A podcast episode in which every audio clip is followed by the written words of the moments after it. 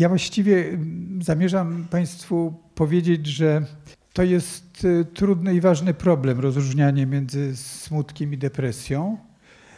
I chcę parę słów powiedzieć o, o tle kulturowym tego problemu. Zacznę od takiego motta, które powstało w umyśle dramaturga angielskiego. Powiedział, nazwali mnie szaleńcem, ja ich nazwałem szaleńcami, do diabła przegłosowali mnie. No i jak go przegłosowali, to przez pięć lat był w szpitalu psychiatrycznym. Y, to poniekąd y, jest y, sugestia, że to, czy ktoś jest uznany za chorego, czy za zdrowego, to niekoniecznie zależy od tak zwanych obiektywnych okoliczności. Czy to jest tak, że rzecz polega na głosowaniu? No, jest na szczęście nieco lepiej ale w dzisiejszym XXI wieku jest to problem y, równie złożony, może mniej brutalnie rozwiązywany, ale złożony. Najpierw chcę powiedzieć o tym tle tego rozróżnienia. Mamy dzisiaj do czynienia z czymś, co określamy jako medykalizację, medykalizację kultury właściwie, a psychiatryzacja czy psychoterapeutyzacja będzie szczególną formą tego zjawiska. Medykalizacja, oto przykłady. Czy rzęsy są zbyt rzadkie, czy to jest hypotrychoza? Każda z pań może ocenić swoje rzęsy. Jeżeli uzna, że za rzadkie e, te rzęsy są, to proszę się nie martwić, to jest tylko hypotrychoza. Można iść do doktora, dostać lekarstwo i rzęsy będą gęstsze. Czyli to nie jest kwestia urody, tylko zdrowia. Dziecko jest niegrzeczne? Nie, może choruje na ADHD i można też pójść do doktora i dostać leki. Nawiasem mówiąc, dzisiaj leki na ADHD dostają nie tylko dzieci niegrzeczne, albo takie nadpobudliwe, ale takie, których, go, których rodzicom zależy bardzo na wynikach, na, na piątkach, szóstkach, czy w Stanach na A.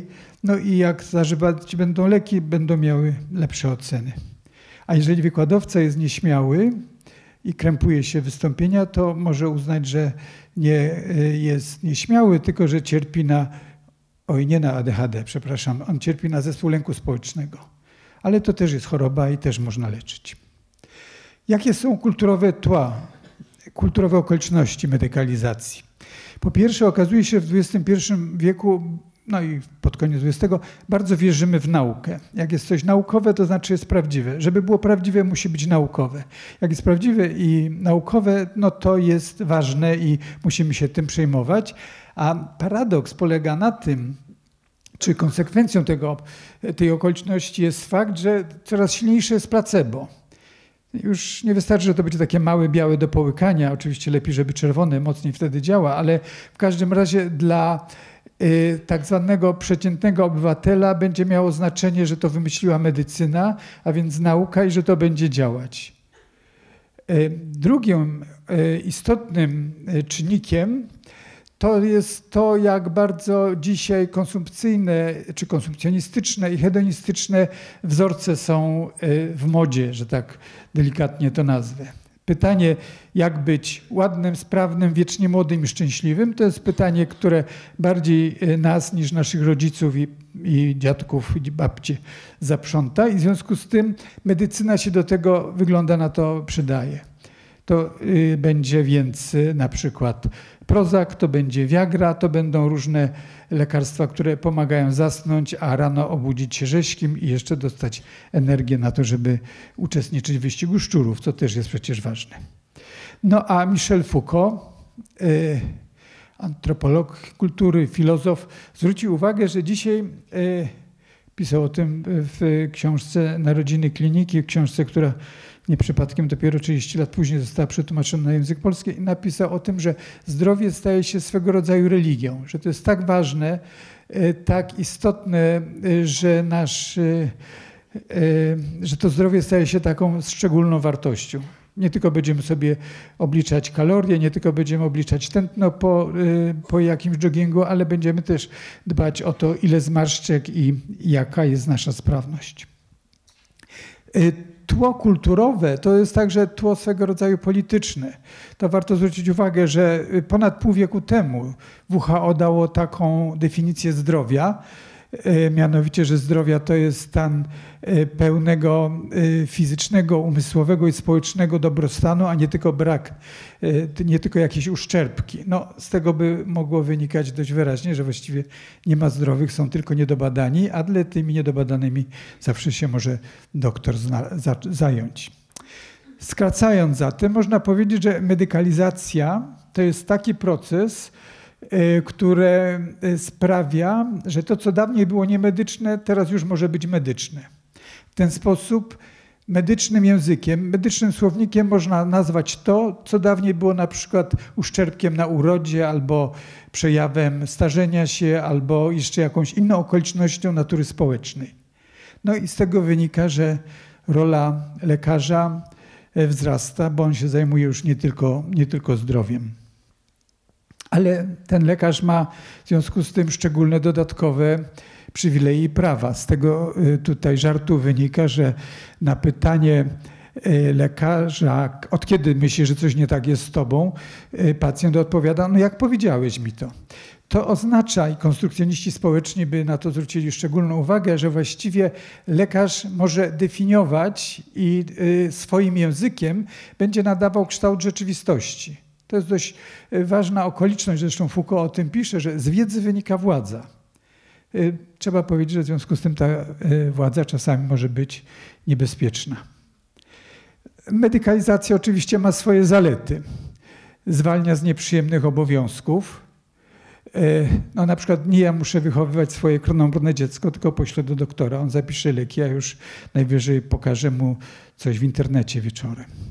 E, po drugie, że e, można być piękniejszym, e, można być sprawniejszym i można mieć większy spokój na przykład w życiu domowym.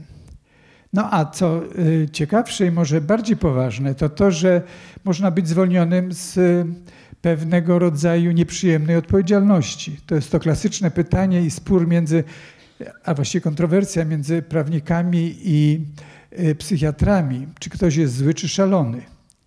Czy na przykład Breivik, który zabił tyle osób, to dlatego zabił, że był chory, no to wtedy byłby włączony w medycynę. A może on był złym człowiekiem i wtedy powinien pójść do więzienia. Nawiasem mówiąc, dwie opinie psychiatryczne tak się od siebie różniły. Pierwsza mówiła, że chory, drugi, że do więzienia. Analogiczna sytuacja była w 1968 roku z Karolem Kotem. I to pokazuje, jak ten spór nie dotyczy tylko jakichś takich niuansów kulturowych, tylko bardzo często dotyczy zupełnie fundamentalnego y, problemu i pytania o to, jakie są granice psychiatrii.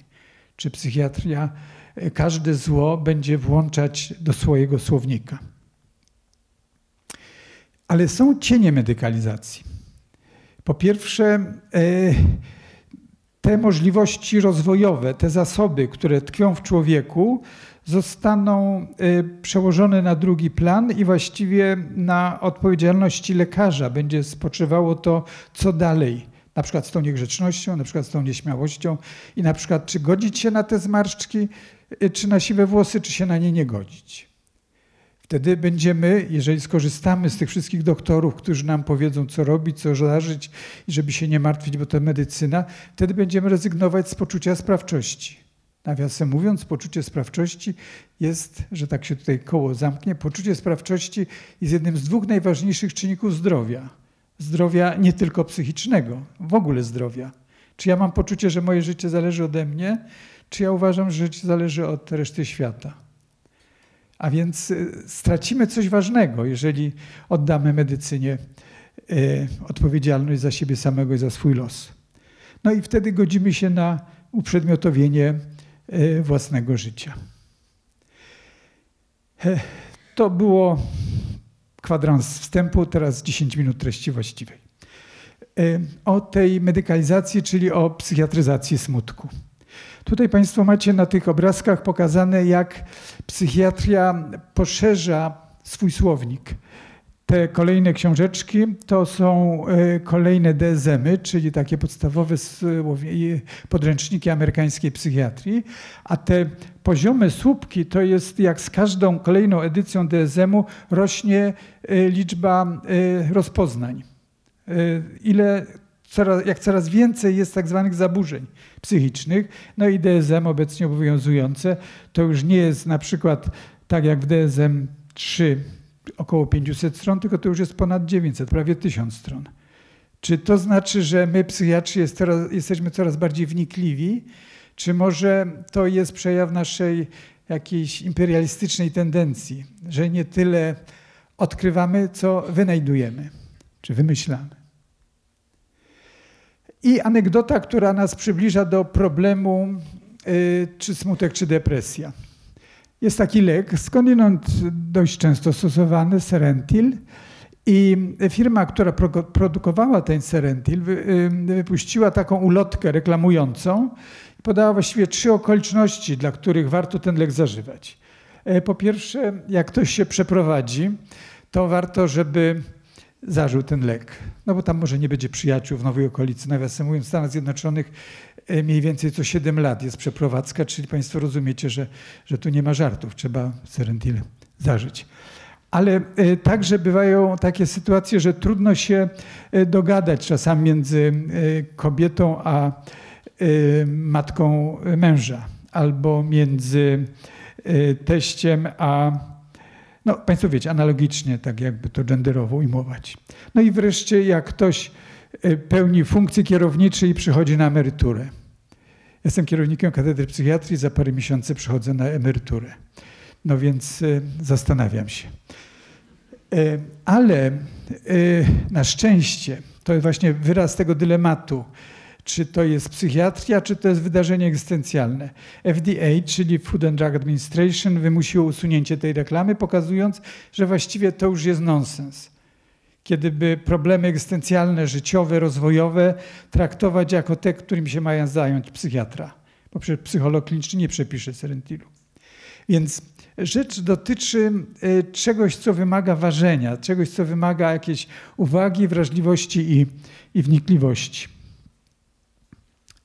trudno jest e, dobrze zważyć. Po pierwsze, dlatego, że nie jest jasna różnica między smutkiem a depresją kliniczną. Można oczywiście mówić, że będziemy szukać e, e, czynnika sprawczego, możemy mówić, że będziemy badać głębokość depresji, czas trwania, możemy sprawdzać, jakie są skutki społeczne, życiowe, interpersonalne tego zjawiska, tego stanu, ale dalej to będzie wszystko w ramach pewnego rodzaju decyzji arbitralnej. DSM będzie decydował. DSM skraca, DSM-5 skraca czas, kiedy wolno się smucić. No na przykład, ile, jak długo wolno mi się smucić, jak, jak umrze mi ktoś bliski. E, dawniej było rok, teraz jest dwa tygodnie. A jak nie, to już potem może warto iść do, do psychiatry. No, z tego wynika, że psychiatra ma co robić. W Stanach 230 milionów recept rocznie przepisuje. A w Kalifornii, jak właściciele psa i kota jadą na wakacje, pies lub kot, zwłaszcza pies, jedzie do takiego eleganckiego hotelu i tam dostaje środek przeciwdepresyjny, żeby się nie smucił. Albo żeby się ten właściciel nie smucił, że się ten pies smuci. No i e, czy to jest do rozstrzygnięcia? E, zwracam uwagę na to, że niewykluczone, że tam ma miejsce, to jak Państwo jako psycholodzy wiecie, jest coś takiego jak, jak zjawisko projekcji. Trudno powiedzieć, że to jest specjalnie dojrzały mechanizm obronny, no ale występuje.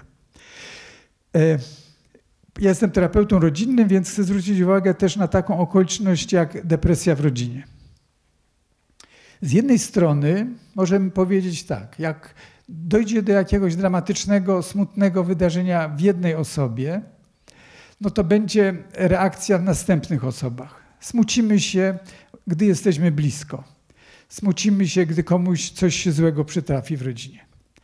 Ale jest też pewien podstępny, chciałoby się powiedzieć, mechanizm, który polega na tym, że e, jeżeli ktoś się smuci, to dostaje pewnego rodzaju nagrody. Za smutek są nagrody. Zwłaszcza jeżeli ten smutek zostanie usankcjonowany czy wysłowiony w języku medycznym. Jeżeli ja mam depresję, to ja mam szansę, że moi bliscy zaczną się o mnie troszczyć. Jeżeli ja mam depresję, to ja będę zwolniony z różnych obowiązków, a to, czego na przykład syn by mi nie mówił, bo już jest taki facior poważny i, i nie będzie się tam bawił w jakieś czułości, to dostanę, jak będę smutny. ktoś się przytuli do mnie, ktoś mnie obejmie, ktoś mi powie nie martw się. No i w ten sposób można by powiedzieć, chociaż to powiedzenie nie martw się wiele mi nie da, bo wiadomo, że takie hasła typu, taka psychoterapia typu weź się w garść ma swoje skutki ograniczone, to jednak system rodzinny ma korzyści płynące e, z tego smutku. I dlatego o tym mówię, że w ten sposób, w jakim stopniu możemy mówić paradoksalnie o dobrej depresji. Dobrej na krótką metę. Dobrej dlatego, że pewne emocjonalne skutki będą takie, które paradoksalnie radują. I oczywiście trzeba dodać, że tutaj nie mówimy o symulacji, nie mówimy o jakimś świadomym udawaniu. Mówimy tu o pewnym mechanizmie rodzinnym, który sprawia, że y, ta depresja może być przez system rodzinny niejako podtrzymywana. Y, no, tworzy to y, pewną pułapkę, tworzy to dla depresji pewną zachętę, żeby pobyła. Lekarze rodzinni, z którymi mam często do czynienia w procesach dydaktycznych, mówią o tym, jak często pacjenci przychodzą i właściwie trudno im o jakieś objawy, a jeżeli mają jakieś somatyczne, to potem się okazuje, że pod tymi y, objawami somatycznymi jest rodzaj smutku, który nie, nie został usankcjonowany do, do poziomu depresyjnego. I w ten sposób, jeżeli już uznać, że to jest zaiste depresja, to zaiste wymaga doktora, to wymaga jakichś tabletek, no to wówczas ta choroba staje się w jakimś sensie e, członkiem rodziny. Troszczą się o nią, paradoksalnie ją podtrzymując. E, ktoś, kto był w kącie, ktoś, kto był nieważny, bo takie życie było szybkie, staje się ważny, bo budzi niepokój i miłość, która była zablokowana, może się ujawnić. Będzie może lepsza komunikacja uczuciowa, bo można powiedzieć coś miłosnego i czułego do kogoś, kto jest w takich tarapatach. No i w ten sposób medycyna staje się częścią gry rodzinnej. E, co na to psychiatria? E, pytanie jest, czy my będziemy jako psychiatrzy opierać się na kryterium prawdy, co jest depresją, a co nie, czy też będzie bardziej użyteczne to, co jest kryterium użyteczności, mianowicie co wynika z tego, jak to wysłowimy. Jakie będą skutki, że ja to wysłowię to smutek, a jakie skutki, że ja to wysłowię jako depresję. Pytanie, czy mamy jeden obraz, czy możemy uznać, że kilka obrazów tu jest sensownych kilka warstw i kilka wersji, kilka spojrzeń na to samo, że to jest i smutek, i depresja, kiedy medyczne, a kiedy tylko interpersonalne. No i czy psychiatra będzie ekspertem, który lepiej wie, czy on się włączy w dialog rodzinny i wtedy ma większą szansę na to, że zapyta, czy jest coś takiego, co depresja daje i czy dałoby się to, co depresja daje, uzyskać inną drogą niż poprzez depresję. To jest częste pytanie w przypadku tego typu problemów. Psychiatrii klasycznej e, psychiatra jest ekspertem, wie co zlecić pacjentowi i mówi, e, że jest diagnoza, a potem są leki. Ale jest też pewien nurt w psychiatrii, który czasami nazywamy postpsychiatrią. Czasami psychiatrzy są postpsychiatrami, nawet o tym nie wiedząc. I e, w tym nurcie coraz bardziej obecnym we współczesnej medycynie. E, nie tak jest e, ważne, żeby usunąć objaw, tylko żeby zrozumieć problem. Nie jesteśmy jako psychiatrzy tylko tymi, którzy wytropią objawy i skierują na leczenie albo przepiszą leki, tylko nas będzie interesować dialog i zrozumienie tego, co jest, co jest głębiej. No, jednocześnie to, co mówiłem do Państwa, może robić wrażenie, że ja nie wierzę w istnienie depresji. To nieprawda. Wiem, że depresja może być ciężką chorobą. Wiem, że dzięki lekom przeciwdepresyjnym można ludziom pomóc i z głębokiego, niezwykle głębokiego cierpienia wyjść właśnie przy pomocy środków, nazwijmy to biochemicznych. Farmakoterapia depresji dzisiaj jest na, na bardzo dobrym poziomie. Ale odróżnienie na przykład czy ten pan i czy ta pani są depresyjni, czy tylko smutni. A może czegoś między nimi zabrakło, że tak boleśnie patrzą na świat. Dziękuję za uwagę.